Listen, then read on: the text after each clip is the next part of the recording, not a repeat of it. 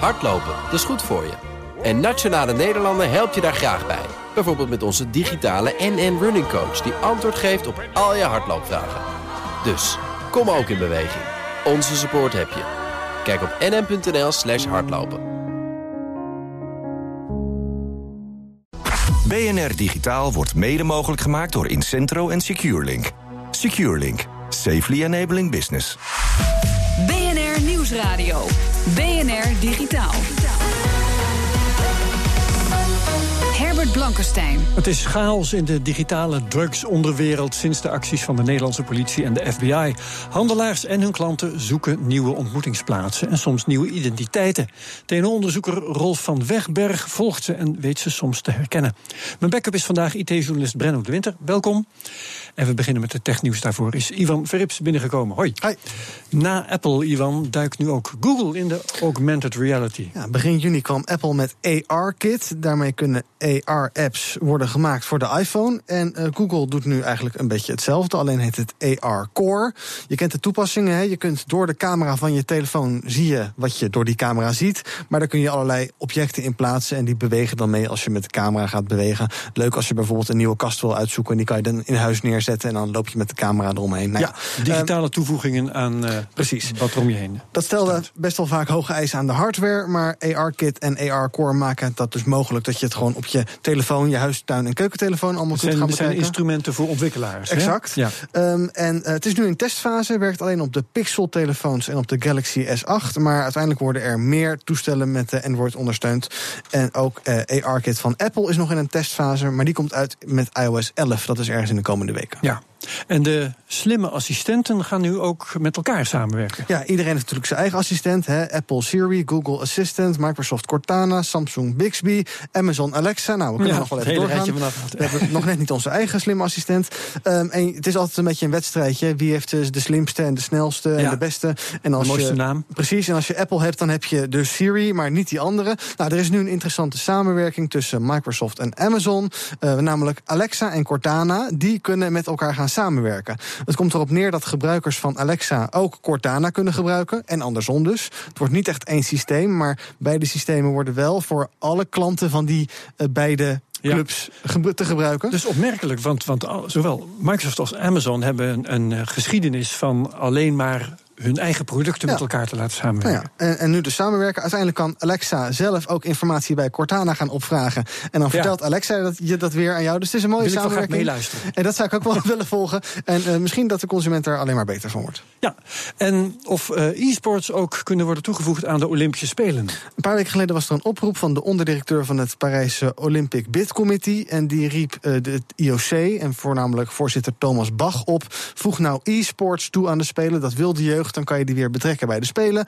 Nou, Bach was toen niet zo enthousiast. Maar hij heeft nu aan de South China Morning Post laten weten dit toch te overwegen. En dan geen spellen die draaien om geweld en bloed en vechten en schieten en elkaar eh, neermaaien. Dus geen Call of Duty. Ja. Maar wel spellen die eh, een bestaande sport eh, simuleren. Dus dan moet je denken aan voetbal, golf, basketbal misschien. Toch best wel weer een ouderwets standpunt. Nou ja, ja, Call of Duty lijkt me ook een beetje gek. Maar het, het zal nog wel even duren voordat het daadwerkelijk zover is. Want er zijn best veel haken en ogen aan. Ja. Wie is dan de scheidsrechter en hoe handhaaf je dat? En hoe ga je dan eh, doping tegen? Dat soort dingen. Maar één ding is zeker, het zou wel jongeren trekken, denk ik. En dat moet Ja. het IOC misschien wel willen. Ja, we gaan het merken. Dankjewel, Iwan.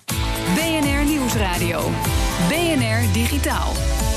De digitale drugsonderwereld is flink opgeschrikt door het oprollen van Alphabet en Hansa Market vorige maand door de Nederlandse politie en door de FBI.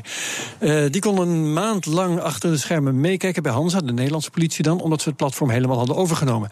TNO heeft onderzocht wat de verkopers op Hansa hebben gedaan na het oprollen. En TNO is nog niet eens klaar met het onderzoek. TNO-onderzoeker Rolf van Wegberg, welkom in BNR Digitaal. Goedemiddag. Jullie hebben bekeken hoeveel verkopers van Hansa zijn overgestapt naar Dream Market. Een concurrent, een opvolger. Klopt. Hoe hebben jullie dat gedaan? Uh, nou ja, we zijn eigenlijk begonnen met uh, uh, te kijken naar uh, wat er in die interventie, zoals we dat dan noemen, gebeurd is. -huh. en je noemde net inderdaad al Hansa-markt. Um, maar in dit verhaal speelt een andere markt ook nog een hele grote rol. Uh, en dat is Alphabet. Uh, dat was eigenlijk tot uh, ja. 3 juli jongsleden de allergrootste. Maar die is door de FBI markt. opgerold. Klopt. En ehm, toen de Nederlandse politie daarvan kennis had op voorhand, dat de FBI die mogelijkheid had om die uh, grote site offline te halen, toen hebben ze eigenlijk um, hun strategie aangepast. Uh, en uh, de Nederlandse politie heeft toen aan de FBI gevraagd of ze inderdaad Alphabet offline wilden halen, maar pas op het moment dat Hansa-markt in de volledige controle lag um, van de Nederlandse politie, opdat zij overal en alles konden mee ja. uh, zien uh, en uh, lezen. Maar je, je vertelt um, nu het verhaal van, van hoe die markt is opgerold. Mijn vraag ging ja. over hoe je die mensen daarna kunt volgen. Klopt. Nou ja, um, waarom ik het verhaal van daarvoor vertel, is omdat um, dat ook uh, uh, de context biedt om onze uh, studie in perspectief te plaatsen. Mm -hmm. Want we weten uit het verleden dat er een waterbedeffect optreedt. En daar hield de Nederlandse politie rekening mee met die strategiewijziging waar ik zojuist over had. Um, en wij hebben eigenlijk nu onderzocht naar, of wij hebben gekeken naar het waterbedeffect na die twee politieacties. En het met waterbedeffect, name... even voor de goede orde, voor wie het niet weet. Je drukt op de ene plek en dan komt op de andere plek omhoog. Hè? Dat is ja, het, precies. ja. ja, Amerikanen zullen dan uh, het spelletje whack-a-mole uh, aanhalen. Ja. Hè, dus uh, de hamer en de mol. wij hanteren dan het waterbedeffect. nou, en Dream Market is nu de grootste markt. Die volgen wij al omdat wij bij TNO onderzoek doen naar dark markets. vanuit het perspectief van de politie helpen om effectief daarop op te kunnen treden. Um, en wij weten dus eigenlijk de baseline van wat er op Dream Market gebeurt. En we zijn die baseline gaan vergelijken met wat gebeurde er nou vanaf begin juli. En wat blijkt? Nou, de influx, zoals we dat noemen, dus de toename van uh, gebruikers, uh, is tamelijk significant. Uh, er is normaal 20 gebruikers per dag die erbij komen. Nu ging het om 80 tot 160 op een dag. Mm -hmm. um, maar, en dat was jouw vraag, en, en daar kom ik nu eindelijk bij aan, het antwoord daarop. Hoe kan je dan kijken wat die verkopers doen? want wij wilden weten, verandert het gedrag van zo'n verkoper? Want dat is uiteindelijk wat je wilt. En daar moet je ze voor um, herkennen. En daar moet je ze voor herkennen. En je kan ze eigenlijk aan, aan twee karakteristieken herkennen. Eén is uh, hun username, dus hun gebruikersnaam, hun uh, alter ego. Uh, en aan de andere kant kun je ze herkennen aan hun PGP-sleutel. Hun uh, unieke code waarmee zij uh, anoniem kunnen communiceren met hun kopers en met andere personen op dit platform. Nou, die zijn we gaan volgen. Um, we kwamen erachter dat tussen 1 juli en uh, 15 augustus, want toen hebben we ons onderzoek afgesloten, um, 195 verkopers zijn verhuisd naar Dream Market. Ja, op de um, hoeveel? Nou, dit uh, op de hoeveel? Uh, er zijn ongeveer um, uh, 400.000, um, nee, dat zeg ik niet goed, 40.000 verkopers en 200.000 kopers volgens de Amerikaanse justitie op Alphabet. Dus het waterbedeffect was al kleiner dan je zou mogen verwachten. Ja. Dat was eigenlijk conclusie 1. Um, en 195 verkopers hebben wij kunnen volgen uh, naar Dream Market. Um, en van die 195, daar kwamen we tot de conclusie uh, dat 40 procent helemaal nieuw was. En met helemaal nieuw bedoel ik een username die wij, die niemand ooit eerder op het dark web had gezien. Maar hoe wist je dan dat het een, een uh, terugkomende verkoper was of koper? Ja, nou ja er zijn, uh, omdat op het dark web men zich weliswaar anoniem gedraagt, maar omdat je toch wel wil weten wat voor vlees je in de kuip hebt, uh, zijn er allerlei reviewprocedures. Um, dus iemands naam is bij iemand heel veel geld en dus eigenlijk ook heel veel handel waard. Um, dus daar worden websites bijgehouden um, waarop users hun reputatie kunnen bijhouden. en een van die websites die hebben wij gebruikt voor onze analyse en daar daarmee kan je precies volgen of een username al eerder actief was. Uh, wat zijn of haar betrouwbaarheid is. Ah, en wat zijn of haar uh, PGP-sleutel is. Maar goed, dus als die... de politie er bovenop zit, dan is het toch logisch dat je op een gegeven moment begint aan een nieuwe identiteit, lijkt me.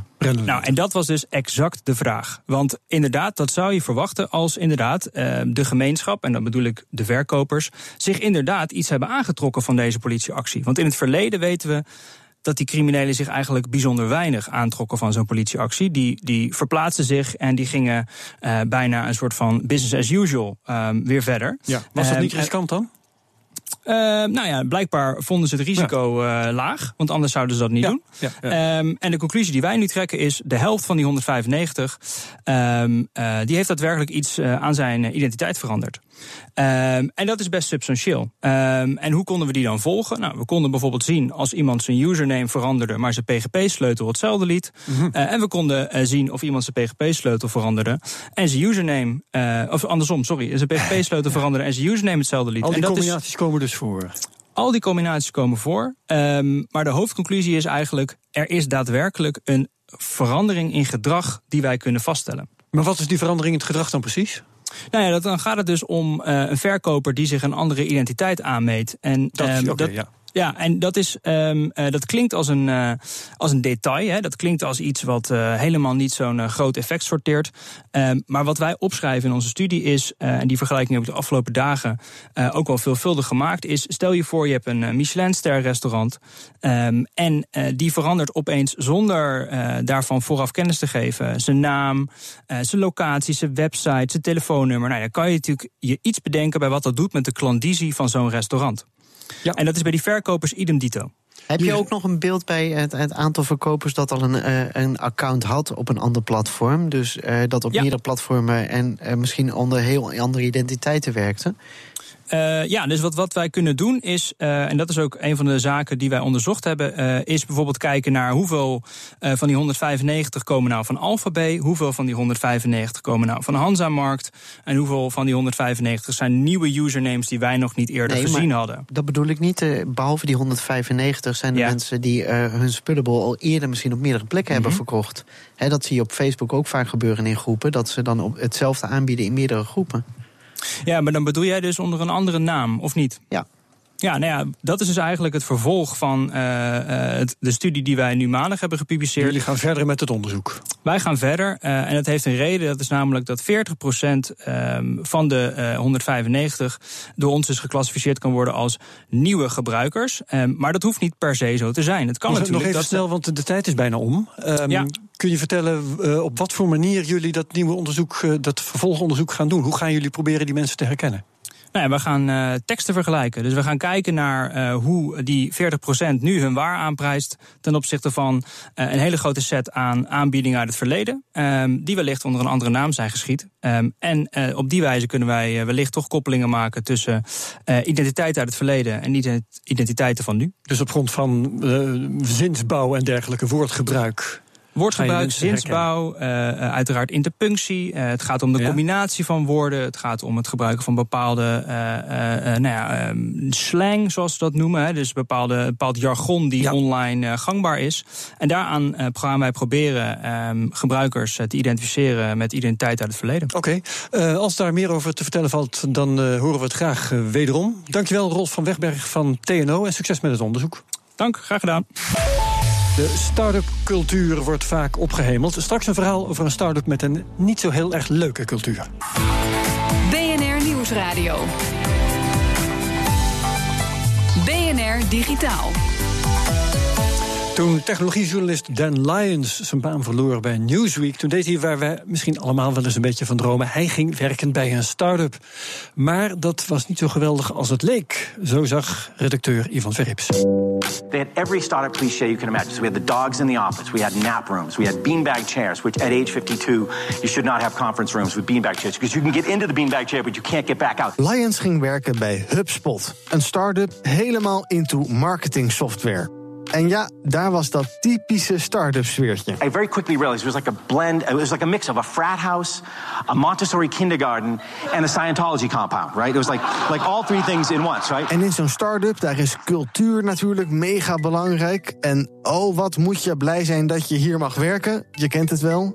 Lions werd er gek van en belde een vriend. And I said to him, Is this normal? Like, man, is this what it's like in the corporate world? I didn't know, you know? And he's like, No, dude, this is Jonestown. Like, get out now. Like, run now. Iedereen leek helemaal happy bij HubSpot, maar Lions voelde zich doodongelukkig. Hij ontdekte dat die cultuur eigenlijk een synoniem is voor uitsluiting van anderen. Voor mensen die niet in die cultuur passen. So look around. There's no one over 30, like hardly, except for me and one other guy. There were, and there were no people of color, like no black people. We went the first time we had a whole company meeting. I looked, it was 700 people in a room, and it's like all just white kids in their 20s, and like not even a very diverse group of white people. Die cultuur, dat was een probleem, besefte Lyons. Hij vertrok bij HubSpot, schreef er een boek over en ontdekte dat veel meer mensen dit soort ervaringen hadden. Uber, Amazon, Snap, dit soort bedrijven hebben het precariaat geschapen volgens Lyons. Natuurlijk, de top heeft het goed. Maar er is ook een groeiende groep mensen met korte en onzekere banen, lage inkomens. Relaties in het privéleven onderhouden wordt lastig doordat die mensen worden opgeslokt in hun werk. Hoe heeft dit nou allemaal zover kunnen komen? Lions geeft de durfkapitalisten de schuld. Het motto van dit soort bedrijven is. Grow fast, lose money, go public, cash out. So all the focus is on customer acquisition, revenue acquisition, buying top line growth, lose as much money as you want. En dit is het nieuwe normaal geworden. That the people who matter most are the investors. I spoke at a VC conference recently. I said, You guys have the best job in the world. You take money from one group of people. You don't take your money, you take their money. Then you give it to these guys. You work them like dogs. By the time they succeed, you own all of their company and you make all the money. Like that sounds like a great racket. But that has become the racket, right? Misschien gaat Lyons wat ver, maar hij denkt zelfs dat Brexit en de verkiezing van Trump een gevolg zijn van dit groter wordende precariaat. People lashed out. People realized they're getting screwed, and they lashed out at the, at the ballot box. It's the last bit of power people have. Is I may not have any money, I may not have a pension, I may not have health insurance, but I got one thing: I have a vote, and I'm going to use it, and I'm going to screw you with it, right? En Lyons' conclusie is. I actually think techies can make the world a better place, but it's not by making Snapchat, right? I think it's by creating a company that hires 10 people, right? And pays them really, really well, and so that they can have a good life and a good career and have a family and have kids and save for retirement. And if you make a company with 10 people and you make one with 10 people and I make one with three people because I won't do as well as you, we can basically make this world a better. We can make the world we want to live in, right? We can build the world we want to live in. We can make the kind of companies we want to work for.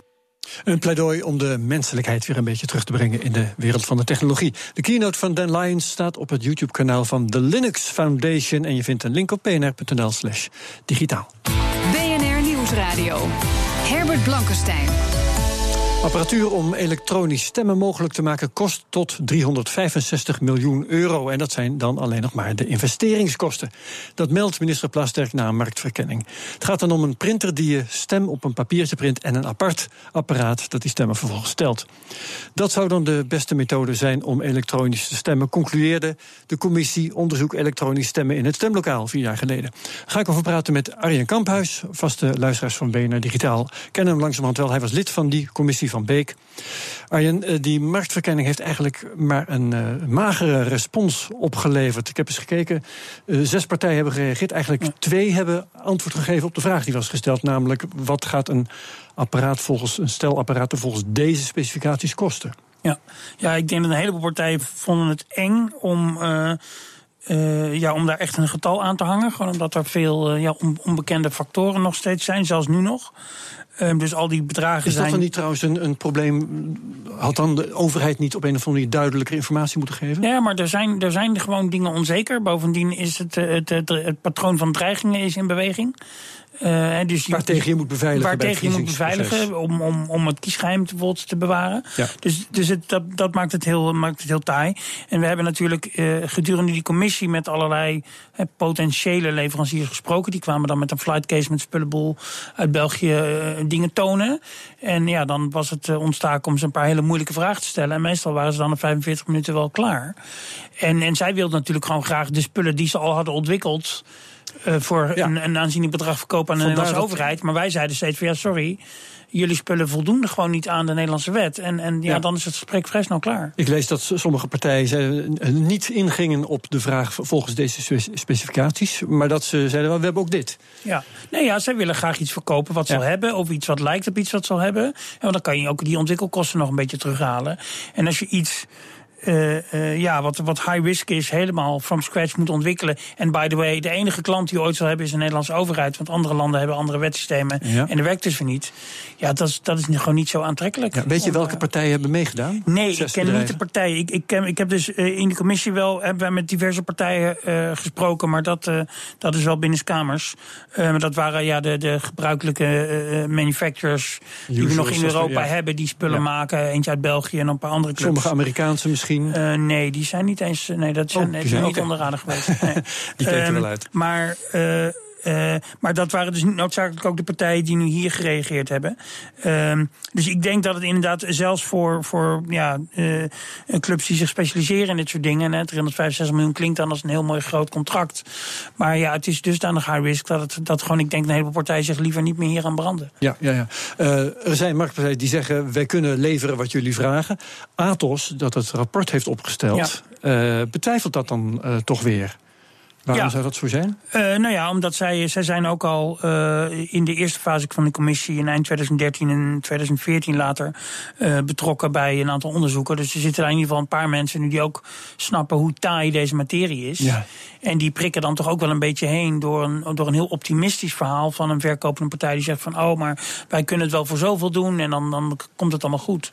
De, de, de klassieke manier natuurlijk is om een project van wat eigenlijk misschien wel 600 miljoen kost om dat te verkopen, is zeggen dat het maar 400 miljoen gaat kosten en dan daarna meer werken. En dat is Ja. wat we vrijwel altijd zien in de overheid. Ik bedoel, dat is niet dat het vaak voorkomt. Nee, dat bij is de bouw en, Eigenlijk eh, vaste prik. Ja. En ehm, dus ik denk ook dat heel veel van deze, zelfs deze bedragen, dat die nog ja, heel optimistisch zijn opgeschreven, zeg maar. Dat was zeker Ja. destijds met die 150 miljoen. Ehm, maar zelfs die 365, want ja, er zitten dus nog allemaal dingen niet bij. Zoals eh auditing en onderhoud van de machines, eh, training van mensen, eh, allerlei praktische logistieke dingen. En ja, dat denk je, dat lijkt dan klein, maar dat kan plotseling heel groot zijn. Hè? Als je alle machines Ja. moet auditen en dat moeten kundige mensen doen na elke verkiezingen. En je hebt er 25.000. Dan is een heel team eh, vakspecialisten gewoon daar fulltime mee bezig. zeg. Brenno, ben jij verbaasd over eh, hoe het nu Nee, uitpakt? nee, nee, helemaal niet. Want er zitten gewoon een aantal eisen die zo tegenstrijdig zijn. Het stemgeheim is strijdig eh, met het kloppend hebben en het controleerbaar hebben van de verkiezingen. Dus als je Mhm. dat in techniek gaat vervatten, dat is gewoon heel ingewikkeld. Dus het, het is enorm lastig om dat goed te doen. En ja, dit is een van die dingen waar je moet afvragen van... moeten we daar nou zoveel energie in steken? Ja. Of moeten we eens gaan aan nadenken over andere vormen... om de democratie te moderniseren? Andere En- vormen. Nou, want, kijk, want, want wat nu weer boven komt drijven is een ander stembiljet. Bedoel je dat of heb je nog nou, weer andere de- dat andere stembiljet had er natuurlijk al, dat is al ontwikkeld, dat had er al lang moeten zijn. Maar je zou ook kunnen denken aan ehm, gewoon van moeten we op dat ene moment op die ene avond blijven focussen, of moeten we eens gaan kijken naar die periode van vier jaar, hoe we daar de burger ook nadrukkelijker bij betrekken en dat we daar technologie een wat prominentere rol geven. En- Eh, referenda? nou, dat zou bijvoorbeeld kunnen. Oh. Maar, ja, nee, maar ik, wil geen harde oplossing. Maar Ja. elke keer blijven nu in hetzelfde Ja, ja, ja, cirkeltje lopen. Hè, we zijn nu tien jaar verder sinds zeg maar, de ondergang van die machines. Jij hebt er een schitterend boek over geschreven. Dankjewel. En eh, het, we lopen weer in hetzelfde cirkeltje. Ja. En Ja, voor, de, voor de bedragen die hier genoemd worden. Kijk, voor 365 miljoen voor elke tien jaar of zo. zou je natuurlijk prachtige dingen kunnen doen. Ja, want het moet versteviging van de democratie. moet in termen van onderwijs, eh, of voorlichting. Of je kan allerlei dingen verzinnen die je met zo'n bedrag kan doen. die goed zijn voor de democratie in Nederland. Maar de meeste van die dingen zijn waarschijnlijk niet elektronica kopen. Eh, de Nederlandse Vereniging, sorry, de Vereniging van Nederlandse Gemeenten, eh, daar dringt dat nu ook door. En wat, wat Ja. die zeggen nu eigenlijk, we hoeven al niet meer. Kom nou eerst maar eens met dat aangepaste stembiljet. Ja, die hebben dus. Er is een brief uit van 8 december 2016. eh, eh, waarin ze eigenlijk al eh, nou ja, een beetje voorzichtig concluderen van. Oh ja, we waren destijds wel enthousiast. Maar we zien nu eigenlijk de financiële risico. die dan de gemeente ook moeten dragen. Hè, want het ministerie heeft- gezegd van ja, dit kost het als je het wil. En by the way, wij gaan het niet betalen. Ja. Dus als jullie ergens nog 400 miljoen beliggen, dan, dan, dan praten we verder. Ehm, dus dat was al een stevige disincentive. En ik denk dat, zegt de, de, de Vereniging van Nederlandse Gemeenten... die zegt eh, dat stem, stembiljet, oké, en dan willen wij misschien nog wel graag digitaal gaan tellen. Maar dan wordt die rekening waarschijnlijk niet veel lager, of wel? Eh, Nee, nee ja, je blijft een heleboel van de problemen van. eh, Ja, er moet een heel specialistisch uniek apparaat gebouwd worden. Je moet het auditen, je moet die testtellingen doen achteraf ter controle. Dus al die ellende blijft gewoon. Ja. Oké, dankjewel Arjen Kamphuis. En eh BNR Digitaal eindigt hier. Brenno, voor- als mijn backup, eh dankjewel. En de uitzending en alle vorige kun je terugluisteren via de app van BNR. BNR.nl slash digitaal, onze podcast. En ook op Spotify. Tot volgende week. BNR Digitaal wordt mede mogelijk gemaakt door SecureLink en Incentro, een IT-bedrijf. Business Booster. Hey ondernemer, KPN heeft nu Business Boosters. Deals die jouw bedrijf echt vooruit helpen. Zoals nu, zakelijk tv en internet, inclusief narrowcasting... de eerste 9 maanden voor maar 30 euro per maand. Beleef het EK samen met je klanten in de hoogste kwaliteit. Kijk op kpn.com slash businessbooster. Business Booster.